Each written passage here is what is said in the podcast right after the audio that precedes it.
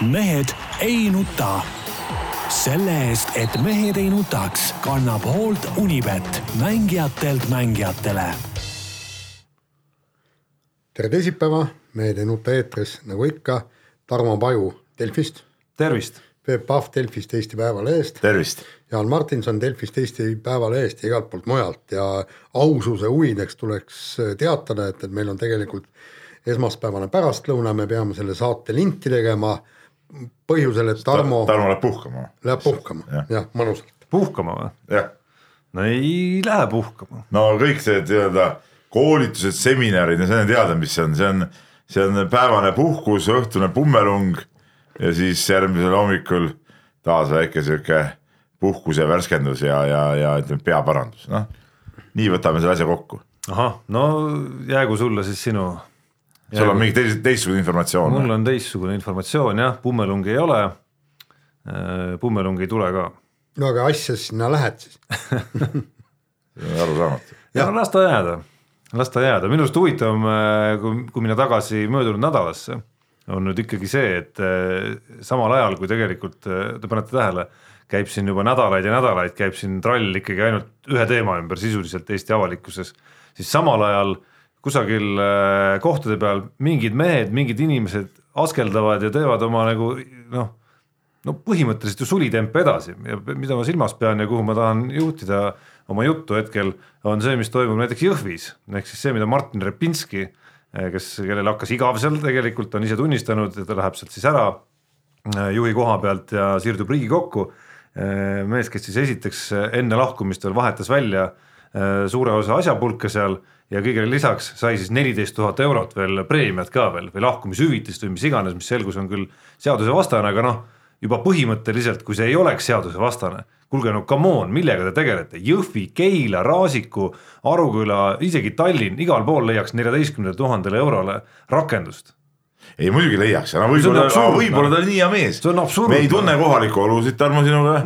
me ei saa ju öelda, et, et, et kas ta oli seda väärt või ei olnud, me ei tea ju noh, me ei tea. ju kuigi kahtlane muidugi tundub mm., aga mitte, et see poliitika ausalt öeldes, eh, ma, ma, ma mõistan su viha, eks ole, või seda nördimust, Tarmo, aga, aga tegelikult ja üldse see ja see poliitiline triangel on, on nagu ära tüüdanud, eks ole, mul, mul on tegelikult palju huvitavam teema välja tuua, mis näitab muidugi seda, kuhu me oma liberaalsusega oleme siis nüüd eh, maailmas jõudnud.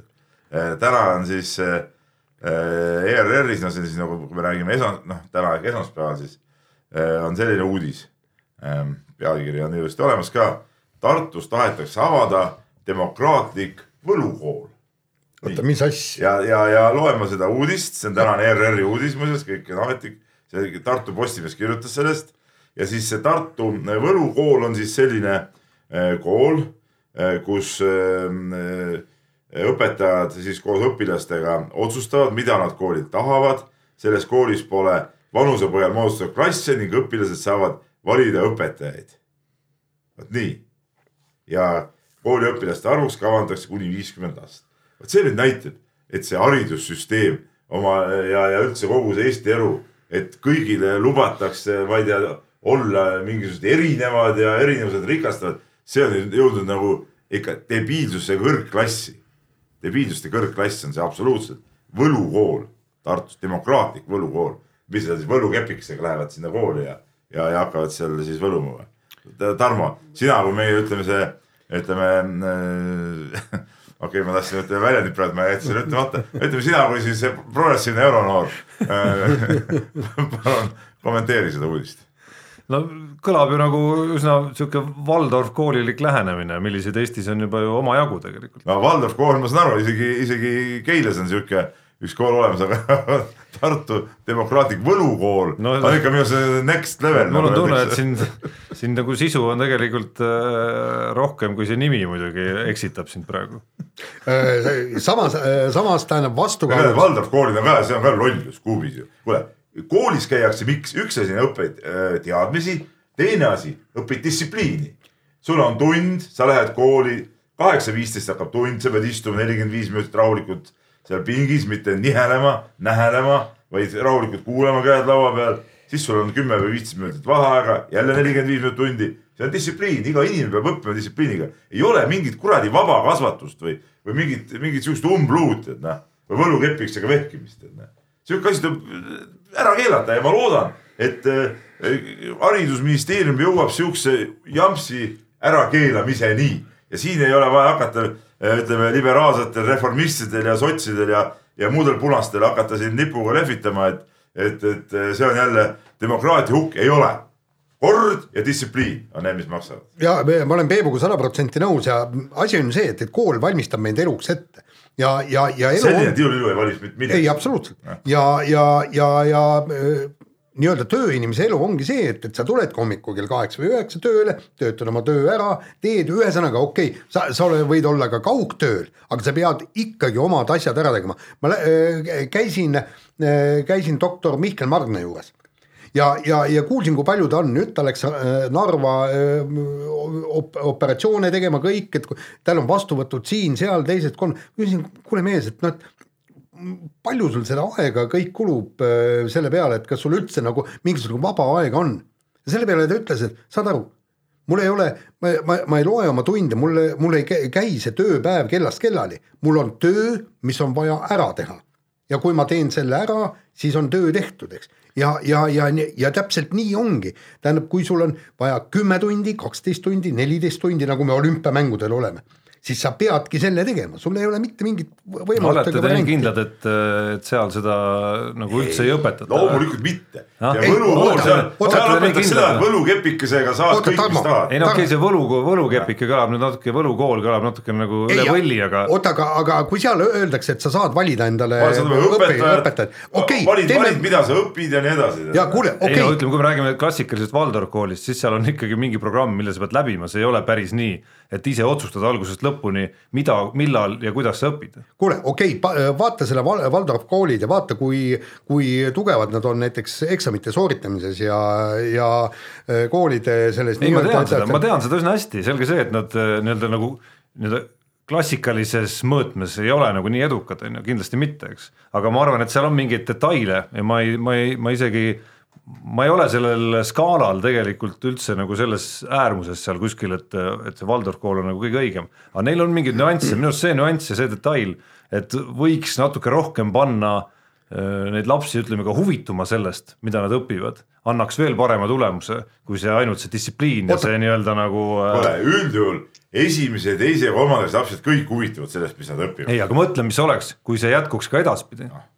ega see oled sa seal see sussu-mussu koolis, ega siis seal ka, mis sa mõtled, need õpilased ilgelt huvitavad ongi, sellepärast seal, ei peaks mitte midagi tegema tegelikult, noh. see on ka asja point, mul on paar kutti üritanud seda trenni ka tulla, no see on nali ju noh. Nad ei, need, nad ei ole võimelised ju, nad ei ole võimelised, mis poolteist tundi trenni, nad ei ole võimelised viisteist minutit trennis seal hakkama saama no.. no mina tunnen inimesi, kes on ka läbinud Waldorf kooli ja ma ei saaks kuidagi öelda, et nad ei ole suutelised vajadusel äh, Äh, töötama ka kaksteist tundi järjest, kui on vaja. jaa, siukseid inimesi polegi praktiliselt, vaata, kuidas meil noored, keegi kohta ei pea, tead. kaks kuud siin, aasta seal, äh, kaks aastat kolmandas kohas. mis, mis elu see on, inimene läheb tööle, tehku kümme, viisteist, kakskümmend aastat ühes kohas, sellest ma saan aru, tead. See on nagu normaalne, mitte nii saba selges, täna siin, homme seal, ülehomme kolmanda koha peal. kuule, aga tea, vastukaaluks äh, just sellele nii-öelda võlukepikese koolile just oli, äh, keegi kirjutas ju kommentaari, et põhimõtteliselt meie koolisüsteem ei anna praegu, tähendab äh, vastavat haridust, mis noh, nagu äh, annaks nagu äh, võimaluse leida kaasaegset töökohta ja kõik jah, tähendab ei osata matemaatikat, füüsikat, kõik. sealt tulevad ainult lillede joonistajad, tead noh, sellised nuusutajad. kuule, aga lähme spordi. ei oota, oota, ma tahan ki hästi kiirelt, ma käin, mina käisin päris puhkusel, mina käisin Lätis puhkusel ja, ja ja kui ma, kui ma läksin äh, e-sigareti poodi ja tellisin endal kohe kakskümmend karpi, paluks seda, seda. ka sina, Brutus. ka mina, Brutus, ühesõnaga, kuna meil on noh, oluliselt seal on, ütleme kaks korda odavam on Lätis ja see kohe küsis, et aa, oled Eestist ja olen Eestis, paar sõna vahetasime ja, ja vend tõesti noh, mitte liialdades, tegi meile sügavaid kummardusi ja ütles, et aitäh, eestlased et teil on nii lollid valitsejad, suur tänu, eestlased, et te tulete eh, eh, ja toote selle kõik raha meile, jätate sinna piiri peale, ka minu pood õitseb tänu teie, eh, teile kõik nii ja, ja ütles, et jumala eest, et palun tõstke oma aktsiise veel, veel kaks veel, korda, jah, just ja, ja, ja, ja, ja, riigikassa täitsa tühjaks. ja, ja, ja tõesti inimene sügavalt kummardas meile ja, ja kiitis kogu Eestimaad. jah, kusjuures kui sa siia jutu viisid juba, siis eelmisel nädalal läks ju vaidlus lahti selle üle, kas langetada neid või mitte. kusjuures see oli väga huvitav, et ükskord ju tõsteti neid ja tõsteti ikkagi nagu eksliku sellise prognoosi pealt on ju, või, või tähendab ekslike eeldustega isegi, sest prognoose oli igasuguseid, aga aga kuulati siis ekslikke, mis ütlesid, et kui me tõstame, siis hakkab tohutult palju rohkem raha meile laekuma. Nüüd siis äh, ei taheta, Taavi Aas ütles, et ta ei taha langetada sellepärast, et riigikassas äh, jääb siis nagu raha puudu, on ju, ja seda on niigi seal puudu. aga äkki nüüd õpiks, äkki õpiks nagu sellest eelmisest näitest ja mõtleks niipidi, et tegelikult võib raha siis nagu rohkem laekuma hakata ikkagi. sa räägid täpselt nii nagu EKRE üks juhtpoliitik, kes saab juba siis- ministriks, ta täpselt juba siis, kui need arvutused- kuulasin eile seda saadet. ei isegi selleks ei pea saadet kuulama, see on, see on vist ka üks väheseid kohti, kus Reformierakond ja EKRE kusjuures isegi jagavad ühist arvamust antud juhul aktsiiside puhul. et, et tundub, et siin nagu õpitud midagi ei ole, et äh, aitäh tuleb öelda, kuigi Jevgeni Ossinovski sai nagu põhilise auru selle eest ja tema idee see oli, aga ärge unustage siiski, et selle kõige eest tuleb aitäh öelda ka Jüri Ratasele eelkõige, kelle valitsus seda tegi. oot, kas mitte esiaktsiisi tõsta ei olnud mitte veel Taavi Rõivase valitsus? Ei, no Rõivas alustas seda protsessi, et tõstame see- nii, nii ja tõstame nii edasi, oli nii ju. ja aga siis hakati kiirendama seda. no jaa, aga, pandi, aga, aga, aga tegelikult, tegelikult peame, et nüüd on muidugi Rõivas ja tore näpud püsti. sa ajad minu arust päriselt ka sassi ei aja, ei aja. ajad-ajad, selles mõttes, et see hüpe tekkis ikkagi sellest hetkest, kus otsustati nagu korralik liter juurde panna. jaa, aga no tegelikult oli ja, ja, Rõivas valitsus oli planeeritud ja, ja laiendati seda ka, seda, seda ennaktempot ka lahjale alkoholile ehk õllele ja siis toimus see plahvatus. nii, aga paneme nüüd äh, spordiga. midagi muu peale. sammusime siia ruumi, mõtlesime, et täna kuidagi teemadega on nagu on, et äh, saame normaal normaalajal tehtud saate ilma lisaajata, aga noh, tuhkagi.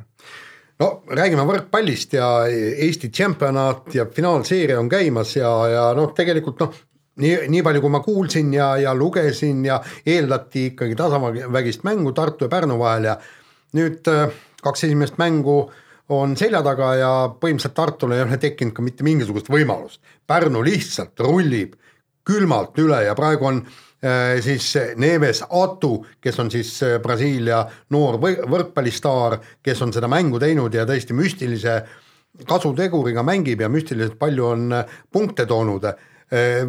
kõik kiidavad teda muidugi taevani, aga õnneks tähendab siis nii Aavo Keel kui ka mõned spetsialistid ikkagi ütlevad, et vaadake, et, et kuidas teised mehed mängivad, et et ta saab ikkagi väikselt keelelt äh, häid tõsteid ja, ja kaitses mängitakse võimsalt, serv töötab ja kõik, et, et kuidagi see keel on nüüd üle pika aja oma mehed nagu tippvormi ajanud.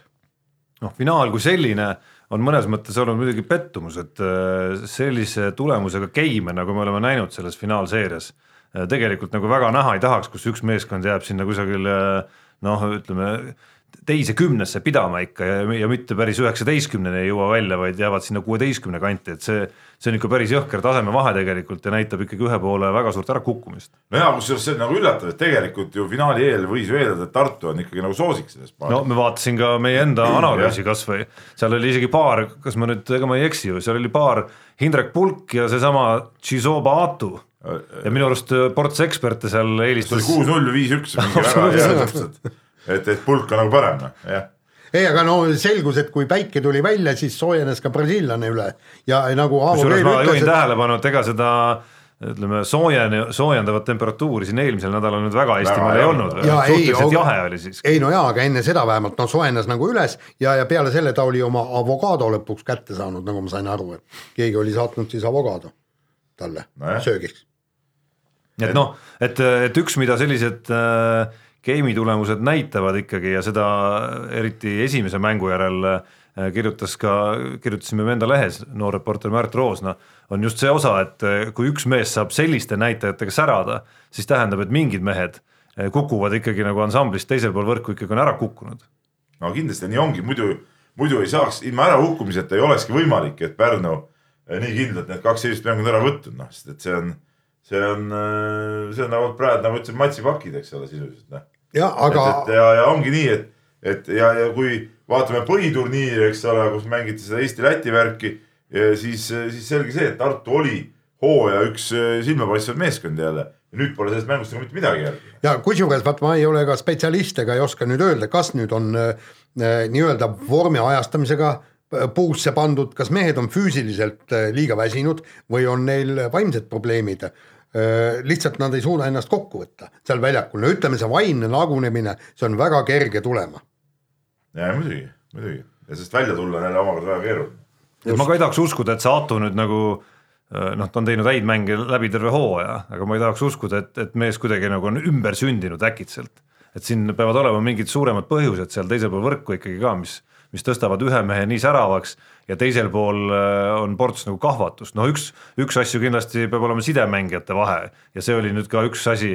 mis oligi nagu Pärnu kasuks. just, et ma, et imestan, et selle pealt tegelikult äh, äh, kuidagi rohkem oleks võinud see äh, finaalseeria eelnev aekauss olla, arvestades, kui tähtis on sidemängija ikkagi võrkpallimeeskonna juures, et oleks võinud see vahekauss võib-olla juba ennustustes olla rohkem Pärnu poole peal ja, ja, ja no muidugi ma ei, ma ei oska jällegi, see treenerite stiil, aga nii palju, kui ma neid mänge olen näinud ja kui ma vaatasin Aavo Keele minutilisi vaheaegu, seal on niimoodi, et, et kui hakkasid eh, game'i lõpus, lõpus oldi pikalt-pikalt ees ja siis öö, eh, lubati vastasel nagu järgi tulla, siis öö, eh, olgem ausad, et öö, Keel oli ikkagi hästi kuri, kui väga pehmelt väljenduda.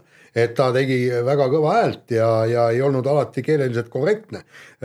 samas nagu öö, ma lugesin tema vastaspool Andrei Ojamets, tema jälle väidab, et noh, mis sa siin karjud või sõimad, et sellest nagu midagi ei aita, et et noh, ma ei tea, kas seal on midagi, et nüüd kaua sa ikkagi neid paitaid no, see oleneb, vaata Jaan, siin on see asi ka muidugi, et treener muidugi tuleb oma mängijat kõige paremini, et ega ega ongi teatud mängijad, kelle mm. peale aitab nagu suurem äh, karjumine, on, teatud mängijad, kelle peale nagu üldse karjuda ei tohigi, siis need kukuvad täitsa kokku.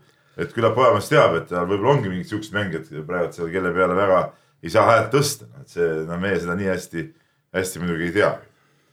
nii, aga pidime vist võtma ka üle korra väikse käsipalli. väravpalli ma tahaks selle. vahetame, vahetame palli ja läheme ja. korraks Eesti käsipallikoondise tegemiste juurde, mis siis mängis eelmisel nädalal äh, Euroopa meistrivõistluste valikturniiri mänge, mängis kaks korda Läti vastu ja kaotas need mõlemad kohtumised, nii et äh, turniiril endiselt on Eesti nulli peal ja, ja küsimus ikkagi on, kas kusagil nüüd päikest ka paistab kogu selle Eesti käsipalli ja käsipallikoondise jaoks? mina ei saa aru, see käsi, Eesti käsipallikoondise asi on minu jaoks nagu olnud juba aastaid, juba pikki aastaid üks arusaamatuse äh, musternäide, et noh, mehed nagu on, mängivad ka nagu osad Euroopas ja siukestes enam normaalsetes liigades. aga koondisena mitte midagi välja ei tule, noh, mitte midagi välja ei tule ja, ja need tippmängijad ka, nad mõnikord nad noh, on vigastuse tõttu eemal, kui nad on koondises kohal ega need tippmängijad ei ole koondise eest mingeid hiigelmänge teinud. no see, kui, siis mõningad üksikud. kui mõned üksikud, eks ole, aga, aga valdavalt ei ole nagu siukest nad klubi tasemel mängu nagu suutnud näidata koondise eest ja, ja, ja, ja nii on ja nii asi on aastaid püsinud. ei ole vahet, kes on peatreener võib-olla mingi hetk, kui see Kadri Mustingu periood oli, siis mingi hetk nad jõudsid ju vaata ühe mängu kaugusele, ühe mängu kaugusele tähendab jah. et siis nagu oli korraks see, aga pärast seda on siin olnud äh, Jüri Lepad ja, ja Rein Suvid ja, ja nüüd on, nüüd on see Rootsi mees, eks ole. et mingit vahet ei ole, ei ole paranenud see asi. ja, ja mitte keegi ei suuda seda öö, meeskonda niimoodi ühendada ja, ja, ja et nad kõik oma võimed välja mängiks eks, samas jällegi huvitav on see, Peep, sa oled käsipalli rohkem jälginud. Balti liigat me oleme isegi võitnud ju. see on lätlased, leedukad, valgevenelased, soomlased. ei ja, ja vaata Jaan, aga Läti okay. parandmehed mängivad ka ju väljas ei, ei, ma saan aru, eks, aga no ütleme niimoodi, et et teine ešeloon, meie teine ešeloon on võimeline alistama nii Läti kui ka klubi tasemel muidugi. Valgevene teise ešelooni, eks. seda muidugi.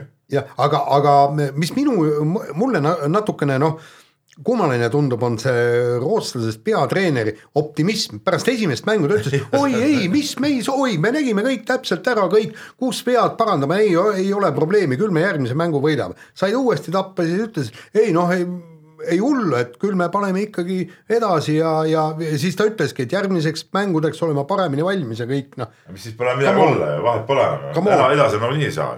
ja no tegelikult oli ta ka ju teise mängu järel noh, pärast teist mängu ütles ta, et ta esimese mängu järel oli vist pettunum, kui. Äh, ja, jah, just noh. oli ju nii? ja, ja, ja, ja, ja täiesti noh, nagu süüdimatu optimism.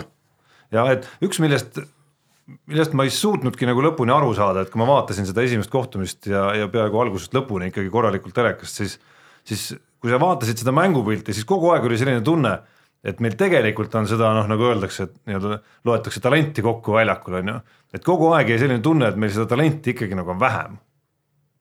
ei no aga lätlaste juures võib-olla ongi, no lätlaste. no kui me vaatame lätlaste staarmängijad, no siis meil noh, isegi Mait Patrail, kui oleks olemas, no ei oleks ikka päris see on ju. päris see jah.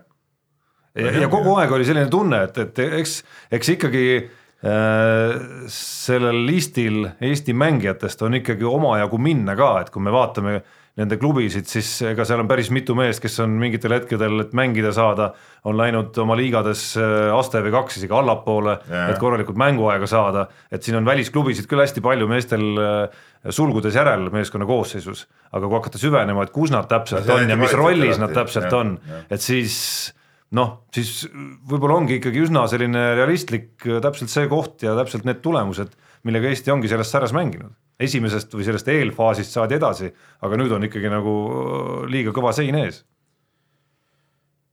et seal peavad needsamad, needsamad, seal on ju päris palju noori ka ikkagi, kasvõi seesama teises äh, kohtumises äh, ju täitsa kenasti väljakule tulnud, mis ta nimi oli, Tammo, eks, või Timmo, vabandust, Alfred Timmo ja, ja ja noh, kasvõi seesama no Rasmus Ots vist ei ole enam nii noor. no ta ei ole nii noor ikka. just, aga või see esimeses mängus äh, päris kenasti väravaid visanud äh, Karl Toom oli ta nimi, et äh, iseenesest nagu on küll, aga needsamad tüübid peaksid ikkagi hakkama mingeid olulisi samme ülespoole astuma, et see koondise kvaliteet ka tõuseks kuhugi. ja, ja siin tuleb tunnistada ju, et need vanad mehed, no Patrali seekord ei olnud, eks, aga see vana, vana kaader hakkab ju ära kukkuma, et meil ikkagi seisab ees see sisuliselt põlvkonnavahetus. jah, jah, jah nii, laseme reklaami ka vahepeal. lase.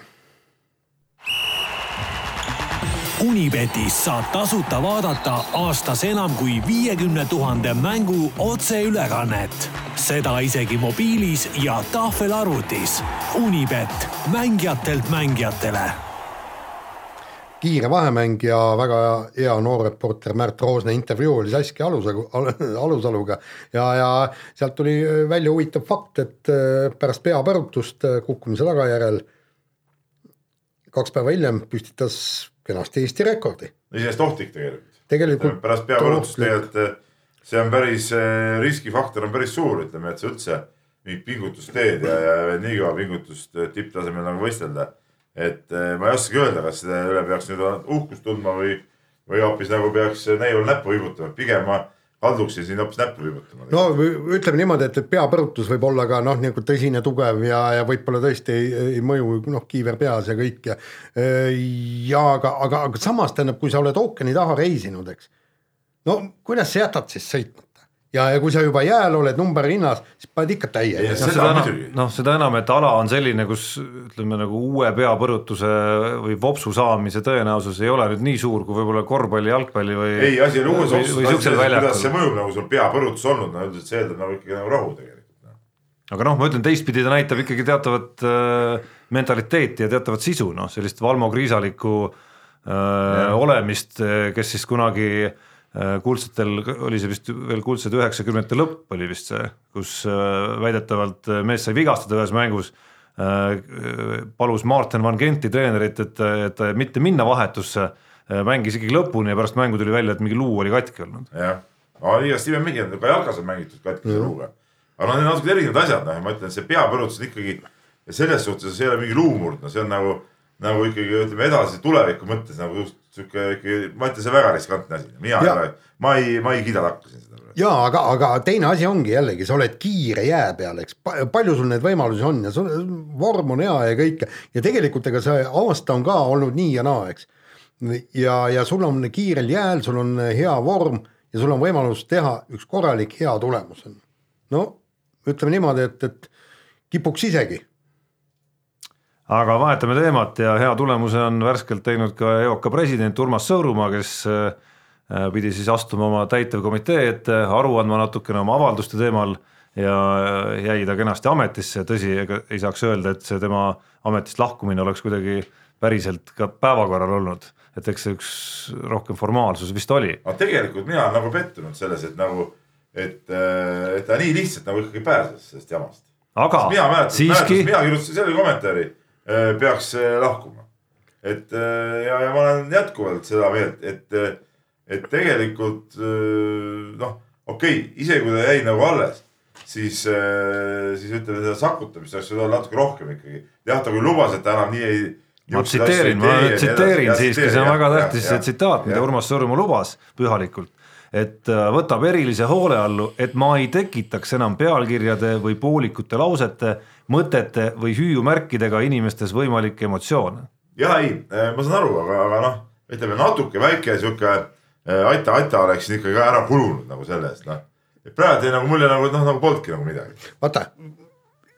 ei no las ta selles, ma saan aru, see on ka mõistlik, et et aasta on veel jäänud, et noh, okei okay,, las ta siis teeb lõpuni, ma ei noh mm -hmm., ma nüüd nii ka ei ütle, et ta üldse poleks pidanud võimalust saama, aga, aga ma ütlen veel kord, et, et ma oleks tahtnud avalikult ikkagi kuulda, et, et teda natuke nagu selle eest nuheldakse natuke rohkem. ütleme niimoodi, omal ajal oleks ta kindlasti partei büroo ette kutsutud ja küsitud. no saanud ikkagi noomituse arvestuskaardile kandmisega. ei, ma arvan, et kandmiseta ei saa. ma arvan kandmisega ei, ei esimese korra rikkumise eest. no aga see rikkumine piisavalt no, suur. kes see, kes see oleks pidanud kutsuma teda siis? ei no kultuuriminister või? ei, ei, ei, ei, no see on ikka, see on nagu poliitbüroo on ju see äh, täitekomitee, loomulikult. üldkogu oleks võinud ka kokku kutsuda no, veel, erakorralise.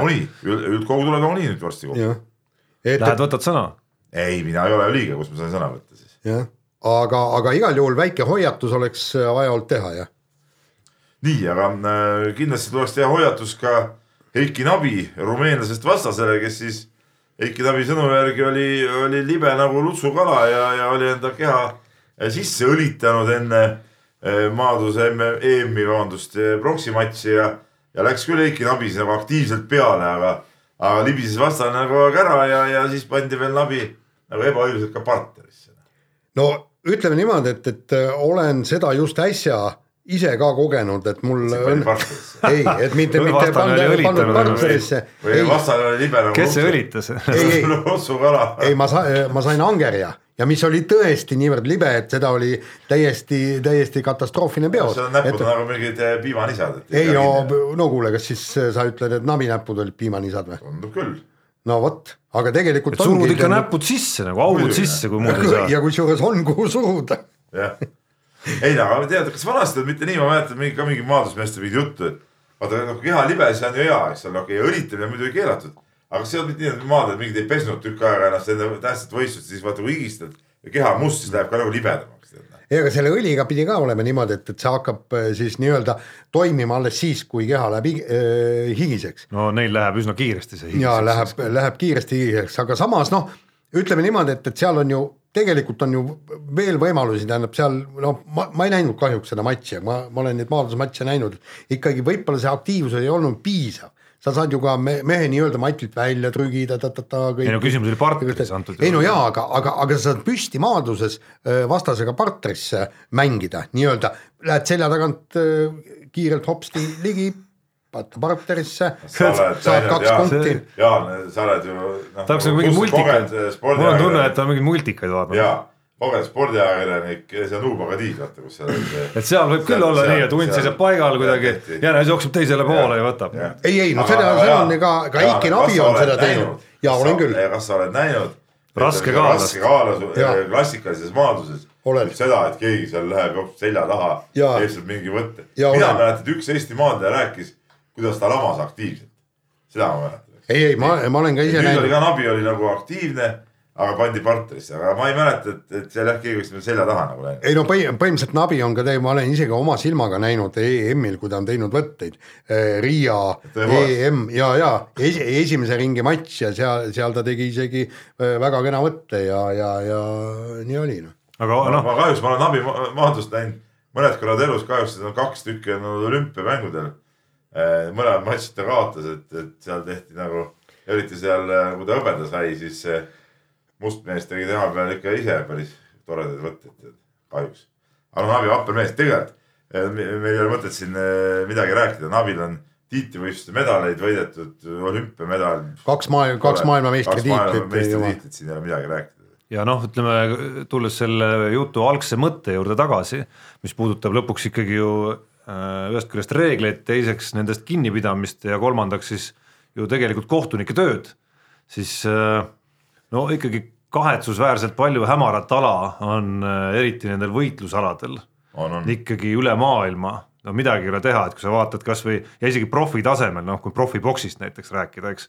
et kuidas saab olla, et äh, vaatasin, sattusin vaatama oh,, ma ei olnud võlgu, mis üritus see oli, igatahes TV Play näitas ühte poksiüritust nädalavahetusel, väga üksikuid fragmente nägin, aga isegi sealt käis see läbi ühest matšist see faktor, et, et, et kuna see matš toimub Saksamaal noh, siis kohtunikud kindlasti ja nii edasi, nii edasi, on ju, mis on juba iseenesest sellise konstruktsioonina kõlab absurdselt.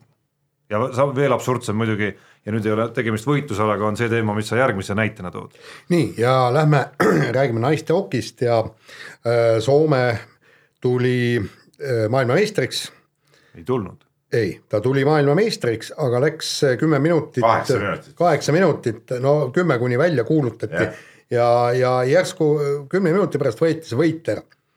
Vaatasin seda videot ja seal oli siis moment oli niimoodi, et, et soomlanna äh, ameeriklannade värava poole sööstis niimoodi, seal väga selgelt Ameerika ka väravavaht torkas selle kepi praktiliselt jalgade vahele äh, soomlannale, nii et, et teine nagu kukkus ja, ja kõik. räägid et kõigepealt soomlanna viskas peale. ja kõigepealt viskas peale. Nadabivani, just täpselt nii. ma ei tea, kuidas eesti keeles seda nagu, ma ei tea seda väljendit. Inglise keeles on rebound. Reboundi läks võtta. jah, nii ja, ja siis ilmselgelt äh, Ameerika väravavaht äh,. see oli kõva eesti keel muidugi. tegi te, te, tegi nii-öelda, takistas seda mängijat, eks, ja mille peale siis pärast seda tuli kohe värav, soomlannade värav, mille peale kohtunik tõstis siis käe kenasti üles ja saatis siis Ameerika väravavahi kaheks minutiks. sa polnud midagi saata, mäng oli läbi jah, aga. kõigepealt tõstis käe üles, samal hetkel löödi ka värav, nii et ja. kohtunik täitis kõigepealt, et värav oli, eks. jah, nii. aga siis hakkas tööle mingi videokohtunik kuskilt ülevalt, et ja, ja, ja töötas seal ja töötas ja töötas niimoodi, kui otsustas, et et tegelikult hoopis see Soome ründaja eh, nii-öelda takistas väravahti ja väravat ei loetud. samal ajal lahendus oli nii, et väravat ei loetud, aga siis eh, see väljaku kohtunik määras ikkagi väravahile eh, soomlanna kukutamise eest kaks minutit karistust.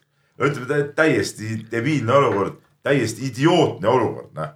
ehk nagu ma rääkisin ka meie Eesti parima hokimehe Robert Robert, see on täielik farss, noh, et see on, seal ei olnud nagu mitte midagi et see oli puhas värav, seal ei olnud mingit viga, mingit määruste rikkumist polnud, puhas värav. jah, ja siis tulles nüüd liites veel kokku nüüd see teema ja eelmine, et kui siin igasugu pettustega võideldakse, alates dopingust, eks. ja siis jõuame nagu selliste olukordade juurde ja nuta või naera või tee mida iganes selleks, ma neid roppus, ropemat pooli nendest lausetest ei ütle. nii ongi lihtsalt. no jaa, vot see ongi nüüd, jälle on antud nendele igasuguste videokordustele nagu liiga suur roll. et, et et võiks olla nagu lihtsaid asju võiks vaadata, kas Littel läks üle joone, okei okay,, vaatame seda. kas jalkas pall, no see, see kell väriseb, eks ole, kohtunik käib mm, -hmm. läks üle joone või ei läinud, arusaadav. no korvpallis võib ka vaadata viimasel minutil, kellest läks out'i, eks ole. või kas läks, sattus aega või ise või sattus, kõik mingeid selliseid hinnanguid, kas seal nüüd oli viga nii või naapidi, no see on nagu totrus. ja aga küsimus. Ühed on juba võitud ja siis kaheksa-kümme minutit midagi seal vaadatakse, siis järsku nagu ei ole ja siis läheb mäng nagu edasi. aga küsimus ei ole antud juhul ju korduses, vaid selles, et mees vaatas kordusi ja teeb ikka vale, vahet ei ole. Vaatab kordusi ja teeb otsuse, millest ikka keegi aru ei saa. nojah, selles ma räägingi. selles on küsimus. selles ma räägingi, et kuule, jätame ära need sellised asjad, noh. jätame ära need hinnangulised, vaata, ma, ma, ma saan lõpuni rääkida, ma kirjutasin kommentaari ka sellest äh, lehte, et videoid ei saa teha, ütleme, kui see on hinnanguline nagu see olukord, seal ei ole videokordustel nagu mingit mõtet, sest et see hinnangud on ikka erinevad, nagu olid ka praegu näha. just ja, ja täpselt kohtunik, väljaku kohtunik andis oma hinnangu, ta leidis, et väravaht takistas reeglite vastase, kõik, hinnang on antud, punkt, lõpetame ära, nii, okei. Okay.. nüüd tuli teine hinnang nii, ja teine hinnang, aga lõppkokkuvõttes seda mängu juhib ju väljaku kohtunik ja. ja tegelikult see on ka täielik jama, et videokohtunik saab tühistada väljaku kohtuniku otsusest. või üldse, üldse kui me, kui me, me räägime videotest, vaata, korvpallis käivad väljaku kohtunikud vaatamas. jalgpallis samamoodi. jalkas käivad ka, no miks hokis ei või siis selle televiisori ette see, mis see, see telefonis, meil on mingi vanaaegsed telefonid, need hoiavad seal käes, see on mingi tsirkus täielik. ja, et mingi kauge kõne ei ole. täpselt, no ongi, ongi nagu kommutaatorid.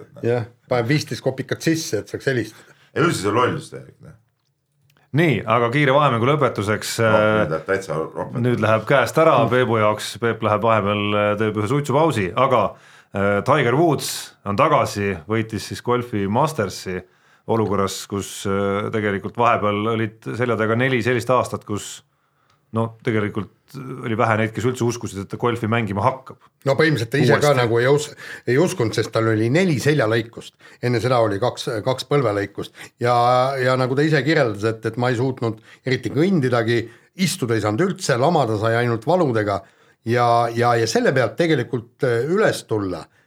okei okay,, nelikümmend kolm, golfi kohta see ei ole teab mis vanus, selle, selles vanuses võidetakse ka suurturniire, aga just see, et, et nii äh, raskete vigastuste pealt nelja seljaoperatsiooni pealt tulla üles, vot see on võimas. ja nüüd mul on Jaan sulle üks küsimus. sa oled ka siis vana golfimees, Eesti tšempion isegi, ma ei tea, mis, kuidas keegi üksi mängis, kuidas tiitel tuli, aga see selleks. koondises oled mänginud ja, ja sa räägid, et sa ei saa nagu golfi mängida, sul selg on haige. Kui mees neid neli operatsiooni võidab suurt neli, mis sinu õigustus on? mitu oppi sul on olnud?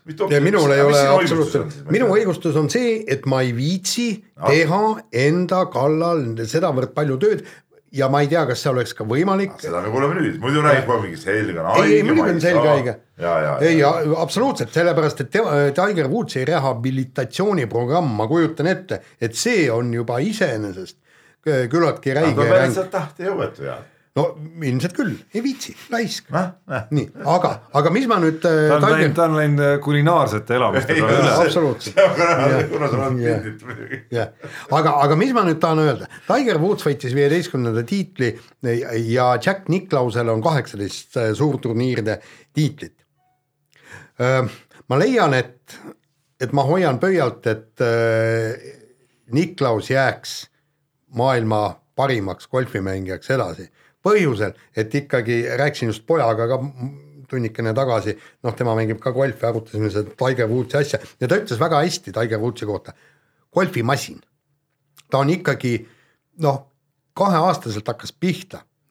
isa muidugi treenis teda kõik, ta, ta on nagu toode. noh, see on muidugi üsna sage nähtus golfimaailmas, ongi sellised ikka lasteaiaealise, lasteaiaeas alustatud äh, karjäärid juba. jaa, aga, aga nad on kuidagi nagu loomulik, neid ei ole nii masinlikult õpetatud eh, mängima ja, ja noh, ma, ma noh, tahaks üks, natukene üks, mida Jaan, ma arvan, ei saa, ma arvan, kuidagi lapseeast saadik õpetada, on võib-olla see võitmise oskus sealjuures ikkagi. Mis mehel ilmselgelt on olemas ja mis golfis, ma arvan, on võib-olla tähtsamgi kui mõnel muul alal. just kuna see vaimne pool on nii tähtis seal. ja aga, aga see on kõikidel golfimängijatel, kes kunagi suurturniiridel on kas võitnud või, või siis sinna võidu lähedale jõudnud, nad kõik peavad olema vaimselt tugevad, sest nad on kõik väiksemaid aga eile õhtulgi sa nägid, kuidas mingid Jah. mehed, üks, üks, üks vend, kes, kes selles seltskonnas üldiselt olid seal tipus kõik siuksed suurturniiride võitude mehed seal Tiger Woodsiga konkureerimas. aga üks mees, see oli Cantley või mis ta nimi oli seal, kes oli selline nagu mees metsast natukene, sattus viimasel päeval korra liidriks ja mis siis juhtus? siis hakkas mees eksima kohe, kohe sellest hetkest, kus tõusis liidriks, viimasel päeval raja teisel poolel, kohe hakkas eksima. ma nüüd haigutan natuke. no sinuni, Peep ära muretse, jõuame ka kohe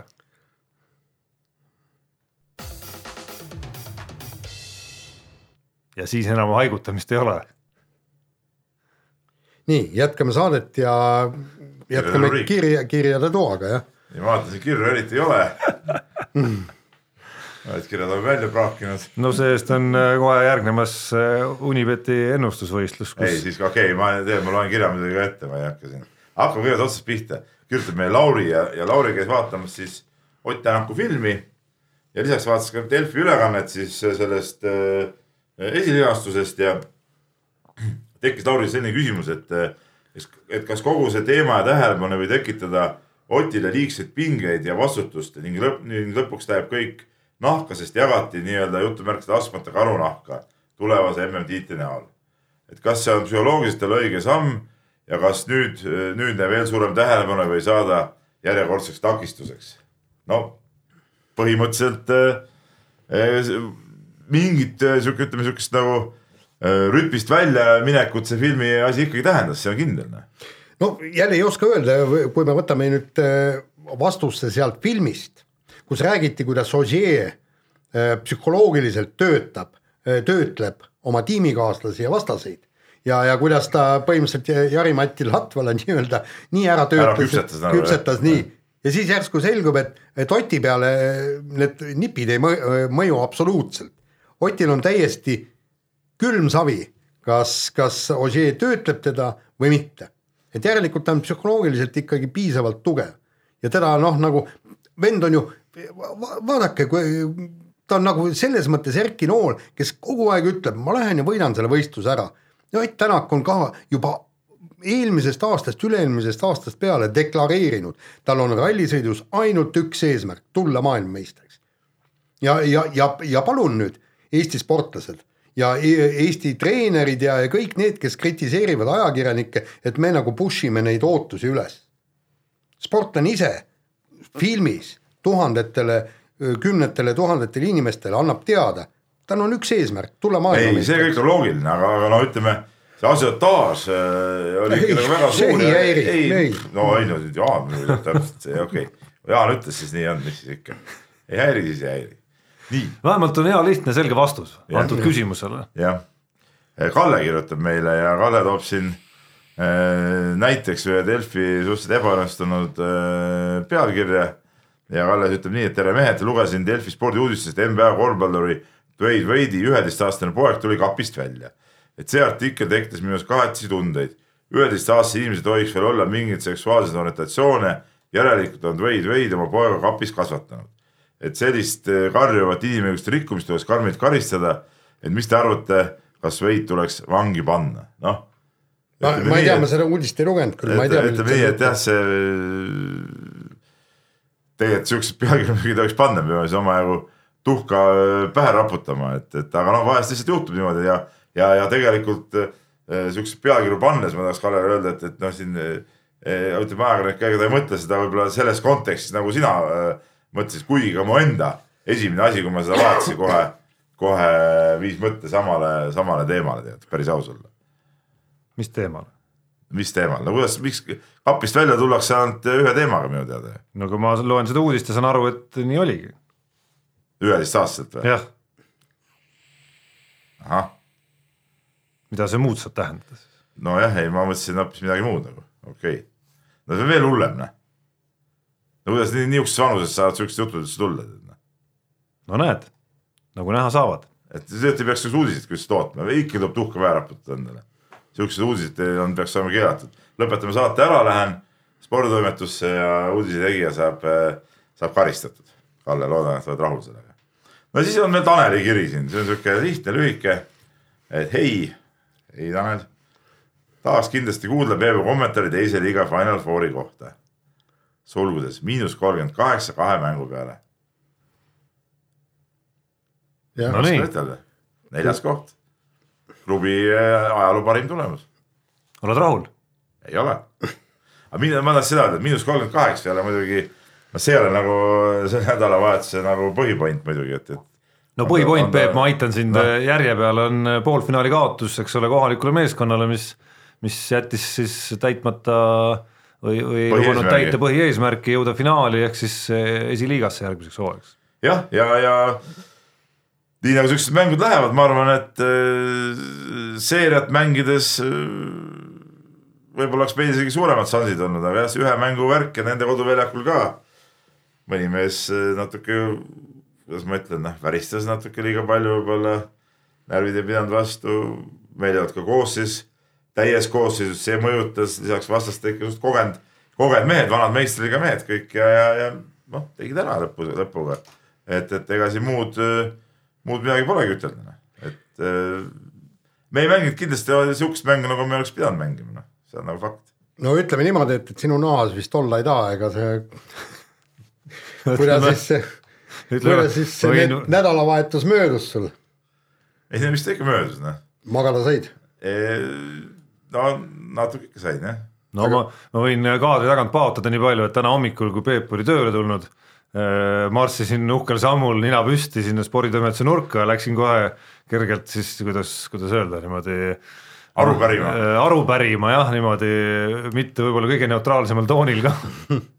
ja eks sealt esialgu lendas sealt karvaseid ja sulelisi vastu muidugi, igal juhul, et kui... kui, ilmselgelt ega lihtne ei ole, ma arvan, treeneri nahas olla. kui, kui Peep läks koosolekule, siis ma küsisin äh, meil teiselt noorreporter Madiselt, et noh, et kuule, aga Peep vist torkida ei tasu ja siis ta ütles, et ei, et tema küll ei soovita, et sel teemal, et. no eks ta on jah, no eks ta ikka paha lugu, aga no eks elu peab kuidagi edasi ka minema, aga noh. et ega siin väga nukutseda pole aega, sest et noorte U kaheksateist, U kuusteist play-off'id on kohe algamas, et ega juba, juba see nädal vist peaks mängima, et, et selles suhtes noh, on nagu on noh. no muidugi oleks tahtnud võita, aga noh, sellel hetkel parem võitis, ega mul midagi pole ütelda. nii, aga see no,. mille üle on hea meel, on see, et, et Gerd Kullamäe võitis ka ükskord ühe korraliku liiga ära ja sai endale meistri, meistri nokamütsi nagu tead, millega ta nüüd öösiti pidi magama ka. et kui muidu vanemad mehed noh, hoiavad nagu see öömütsikest peas, siis noh, ta nüüd öömütsiks jättis nagu kõrvale ja, ja hoiab seda nokamütsi peas ja ja tunnistas ka, et kuldmedal on tal nagu öökapi peal, et. ja aeda tööle minnes paneb kaela. ja paneb kaela, läks, läks täna riisuma ja, ja kuldmedal oli kaelas, noh eks ta tahab nagu uhkustada ka. vaata, ta elab ju siukses noh, korralikus külas, seal on kõik siuksed nagu tähtsad ja tublid inimesed, noh, tal pole see jõuab, mis tal uhkustada on, noh, üks, üks kinga saamine ja, ja muud midagi, no nüüd on kuldmedal kaelas, nüüd on, ütleme, hooaeg on, on nagu ütleme, päästetud ja rehabiliteeritud, et selles suhtes eh, viis pluss ja ma huviga ootan Gert Kullamäe sooritusi siis järgmisel hooajal esiliigas. et kui ta nüüd äh, siin äh, teise liiga no, finaal, finaalmängudes viskas koos meeskonna mustanahalisega siin, ta ise siin äh, luges kokku siin üle neljakümne punkti koos selle mustanahalisega. ma ei hakka 40... seda, hakka täpsustama, mitu punkti, kuidas protsentuaalselt need punktid jagunesid, aga noh, nii see oli. see on ka fakt, eks ole, et siis, äh, siis huvitav, et jah, et kui palju ta hakkab siis seal esiliigas panema see on väga huvitav, küsimus on, kas ta satsi pääseb siiski, kui tõsiselt rääkida. ei noh, tõsiselt rääkides ma arvan, et tal ei ole mingit huvi seal esiliigas minna mängima Okay. Äh, nii, aga see jutt viib meid sujuvalt äh, meie Unibeti ennustusvõistluse juurde, kus siis igal nädalal äh, on Unibetis vähemalt üks mehed ei nuta eripanus. eelmisel nädalal oli neid kaks ja üks neist oli seesama Keila korvpallikooli teise liiga esikoht kuna Peep lubas siin saate eetris ikkagi, midagi ei ole teha, Peep, sa lubasid, et äh, tasub panna, siis läksin ja panin. Jaan, sina ka? ja mina panin ka jah. ja ei võitnud. paha lugu jah. aga kui ma oleks öelnud siin, et ei tasu panna, oleks ka nagu idiootne olnud no oleks küll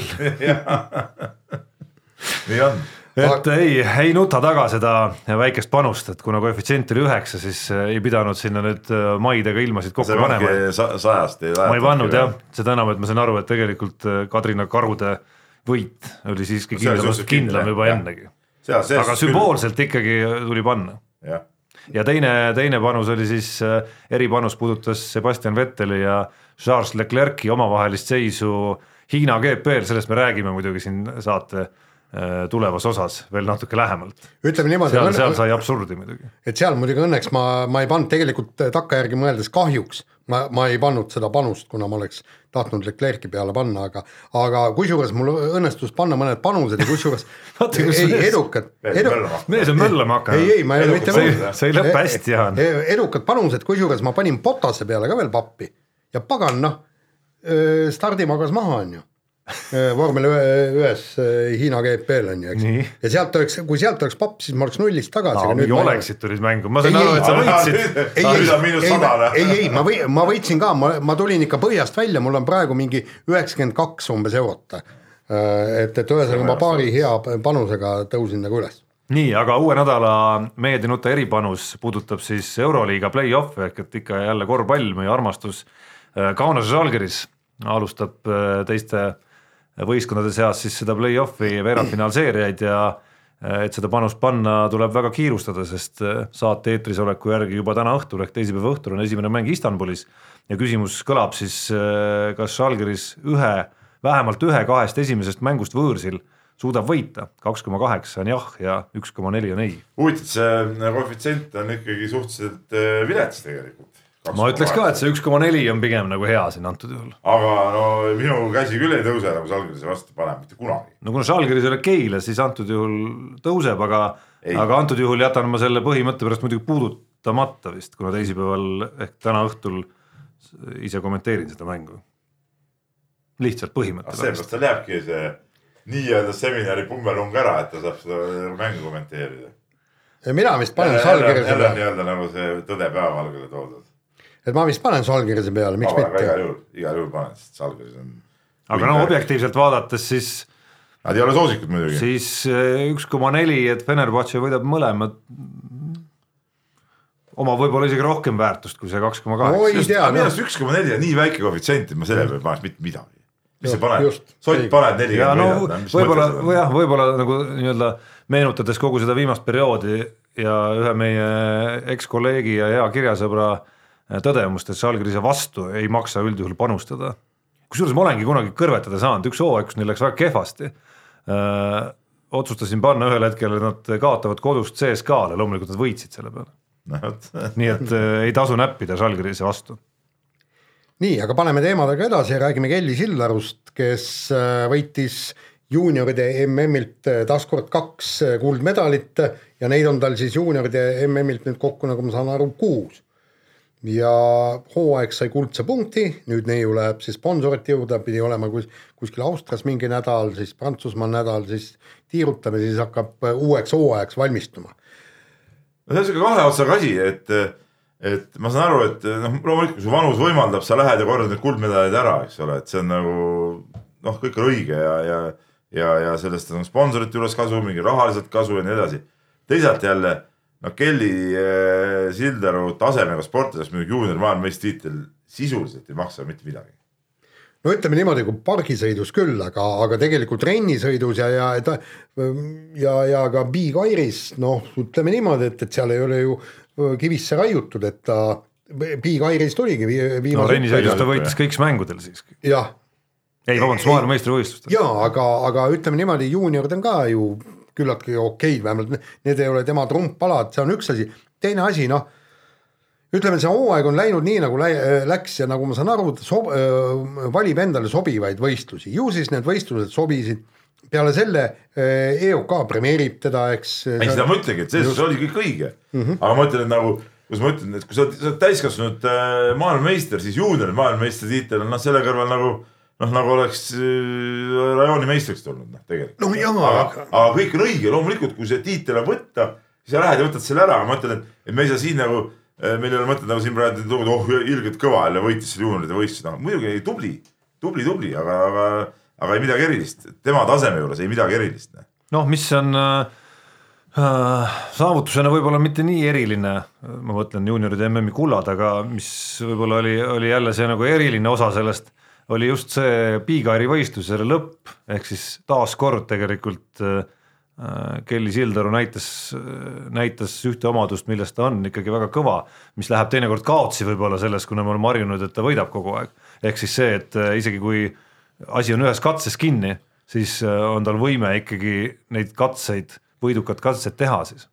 aga, aga siin, siin ma just ütlen, et, et tegelikult äh, öö, nii Kelly kui ka isa, nad peaksid minema ja, ja kuskil Eesti spordiseltskonnale loenguid pidama, kuidas on sedavõrd võimalik, et nii noor tüdruk vaimselt sedavõrd tugev on ja kusjuures algusest saadik, ma mäletan seda esimest juuduri võistlust, kui ta esimesel katsel äh, pargisõidus äh, reilil kukkus, ei saanud tulemust äh, kirja, ka kahest sõidust oli asi kinni ja teise sõidu pani briljantselt, võitis esikoht koju, tal vist kolmteist oli siis, eks.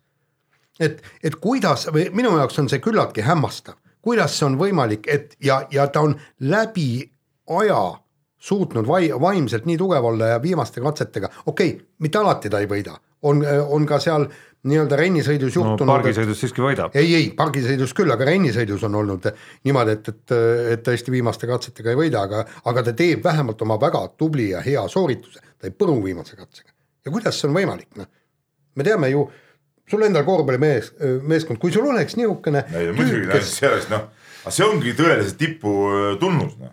see ongi tõelise tipu tunnus, noh sa peadki olema vaimselt tugev, et, et ka kõige raskemal hetkel suudad selle ära teha noh. kui palju on Gerd Kanter eh, kettaheites tulnud raskest seisust kolmanda katsega välja No korduvalt noh, see ongi selle tõelise tipu tunnus noh. see on loomulik ju noh, no just, et selles suhtes noh.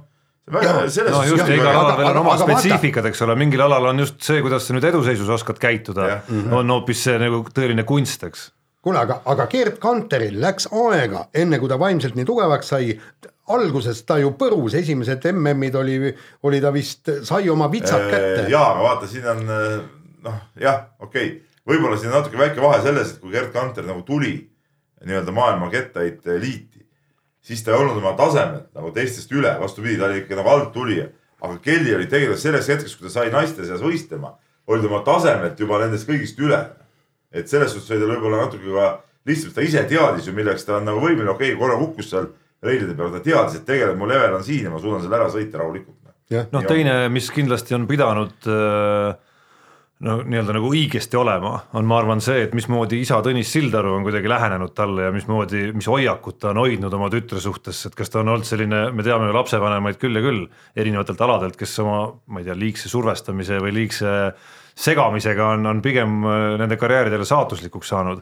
Et äh, antud juhul peab olema ikkagi miski, mida Tõnis Sildaru on just nimelt nagu õigesti teinud, et ta ei ole nagu noh, põhimõtteliselt ta ongi õigesti teinud seda, et ta on mingid asjad võib-olla tegemata jätnud, mis ja. oleks ära rikkunud üht-teist.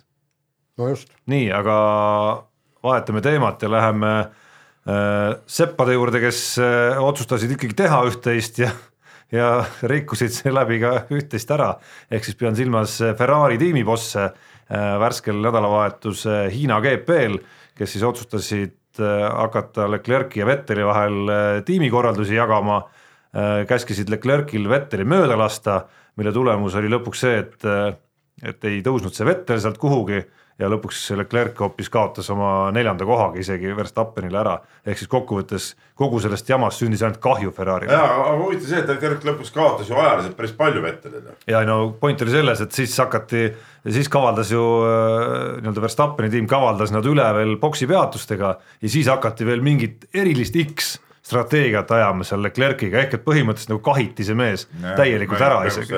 ja, ja kusjuures, aga, aga mulle meeldib ikkagi see ähm, Leclerc'i jäärapäisus ja nii-öelda ausust, ta julges, vaata kui Vettel oli mööda lasknud, läks natuke aega mööda ja, ja siis ta küsis, ja, ja mis nüüd. Öeldi, et Vettel on kiirem mees, lase ta mööda, et ta läheb nüüd potast püüdma. ja, jah, noh. aga siis ei läinud kuhugi, hakkas, kusjuures ma lugesin, oli analüüsitud veel neid ringiaegu, et põhimõtteliselt Vettel hakkas isegi aeglasemalt sõitma pärast möödaminekut.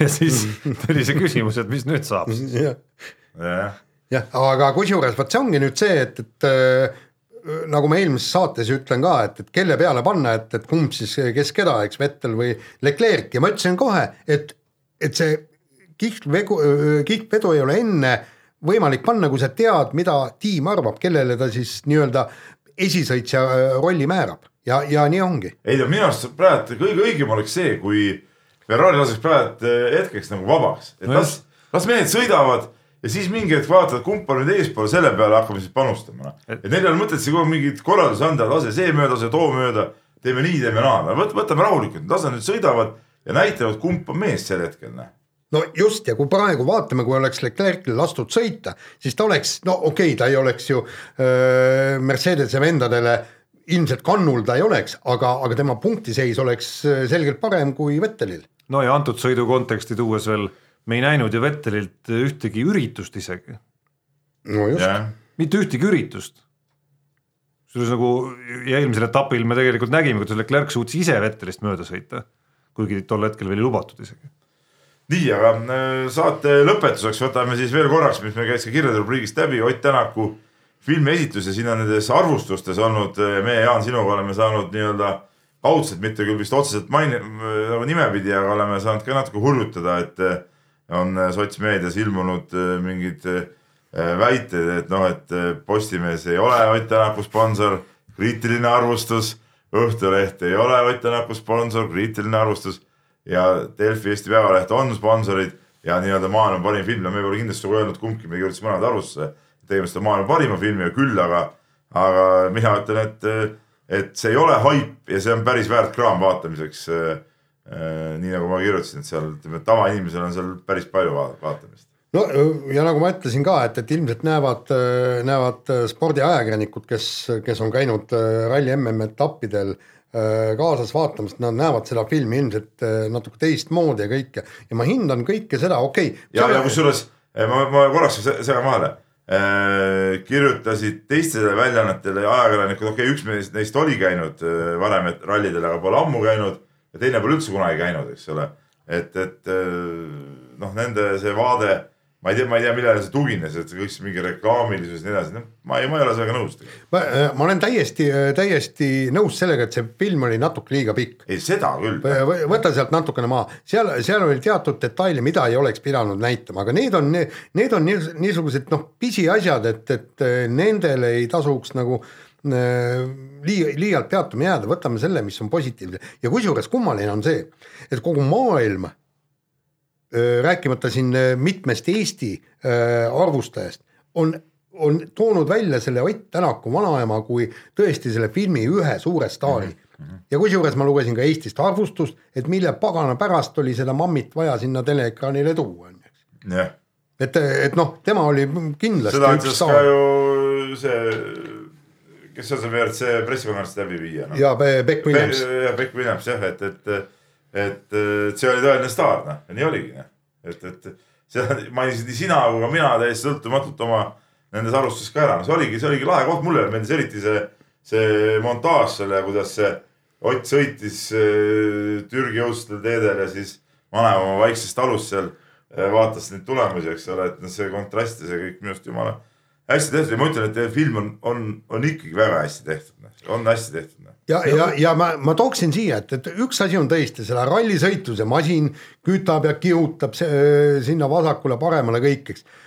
ühest küljest jah, seda võib-olla oli liiga palju, aga teatud kaadrid öö, väga hästi, kes kirjutas, üks, üks meie arvustajatest, ma ei mäleta, kes ütles, et ta saab aru nüüd sellest merehaigusest, mis tekib äh, sellel äh, as, asfaltteedel Korsikal, sest oli tõesti, kui sa vaatad seda ekraani ja kuidas see auto kurvitab seal kurvist kurvi läheb ja tõesti, tõesti hakkas pea ringi käima.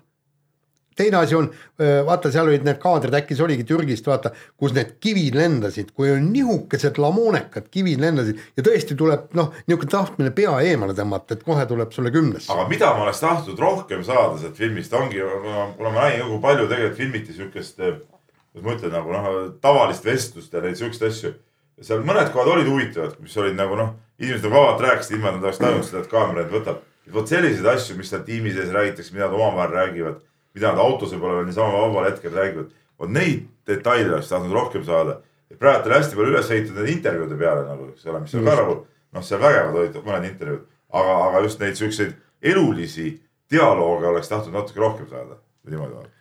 Ja mina tunnistan, ma ei ole seda filmi näinud veel, kindlasti ükskord vaatan ka, aga ma ma kujutan ette, lugedes nii äh, erinevaid arvustusi kui ka olles noh, mingil määral kursis ikkagi, et et noh, kindlasti selle filmi esimene sihtrühm on ikkagi need kümned, kui mitte sajad tuhanded fännid, kes Ott Tänakul vaieldamatult on ikkagi ja, ja mis seal salata, neid on ikka ebanormaalselt palju, kui noh, ebanormaalselt ei ole siin halvas tähenduses mõeldud, et tol õhtul, kui see äh, film esilinastus ja toimus siis kuulus läbi linna äh, sõit äh, Toyota ralliautoga, sõitsin ma ise just äh, koju Peetri poole.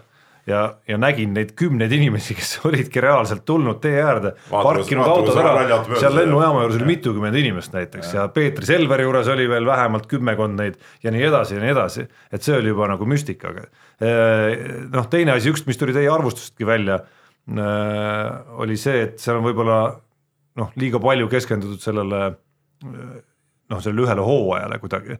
ja ma, kujutan ette, et see on ka üks miinus, noh, mis võib-olla ei anna sellele filmile sügavust, vaid, vaid ütlebki, et see on just nendele fännidele nagu rohkem. aga kolmandaks, kui keegi äh, kuidagimoodi tahab oletada, et äh, Peep Pahv ja Jaan Martinson arvavad midagi sellepärast, et Delfi on kellegi sponsor, siis, siis Peep Pahv ja Jaan Martinson, et kas päriselt tõesti või, kuulge.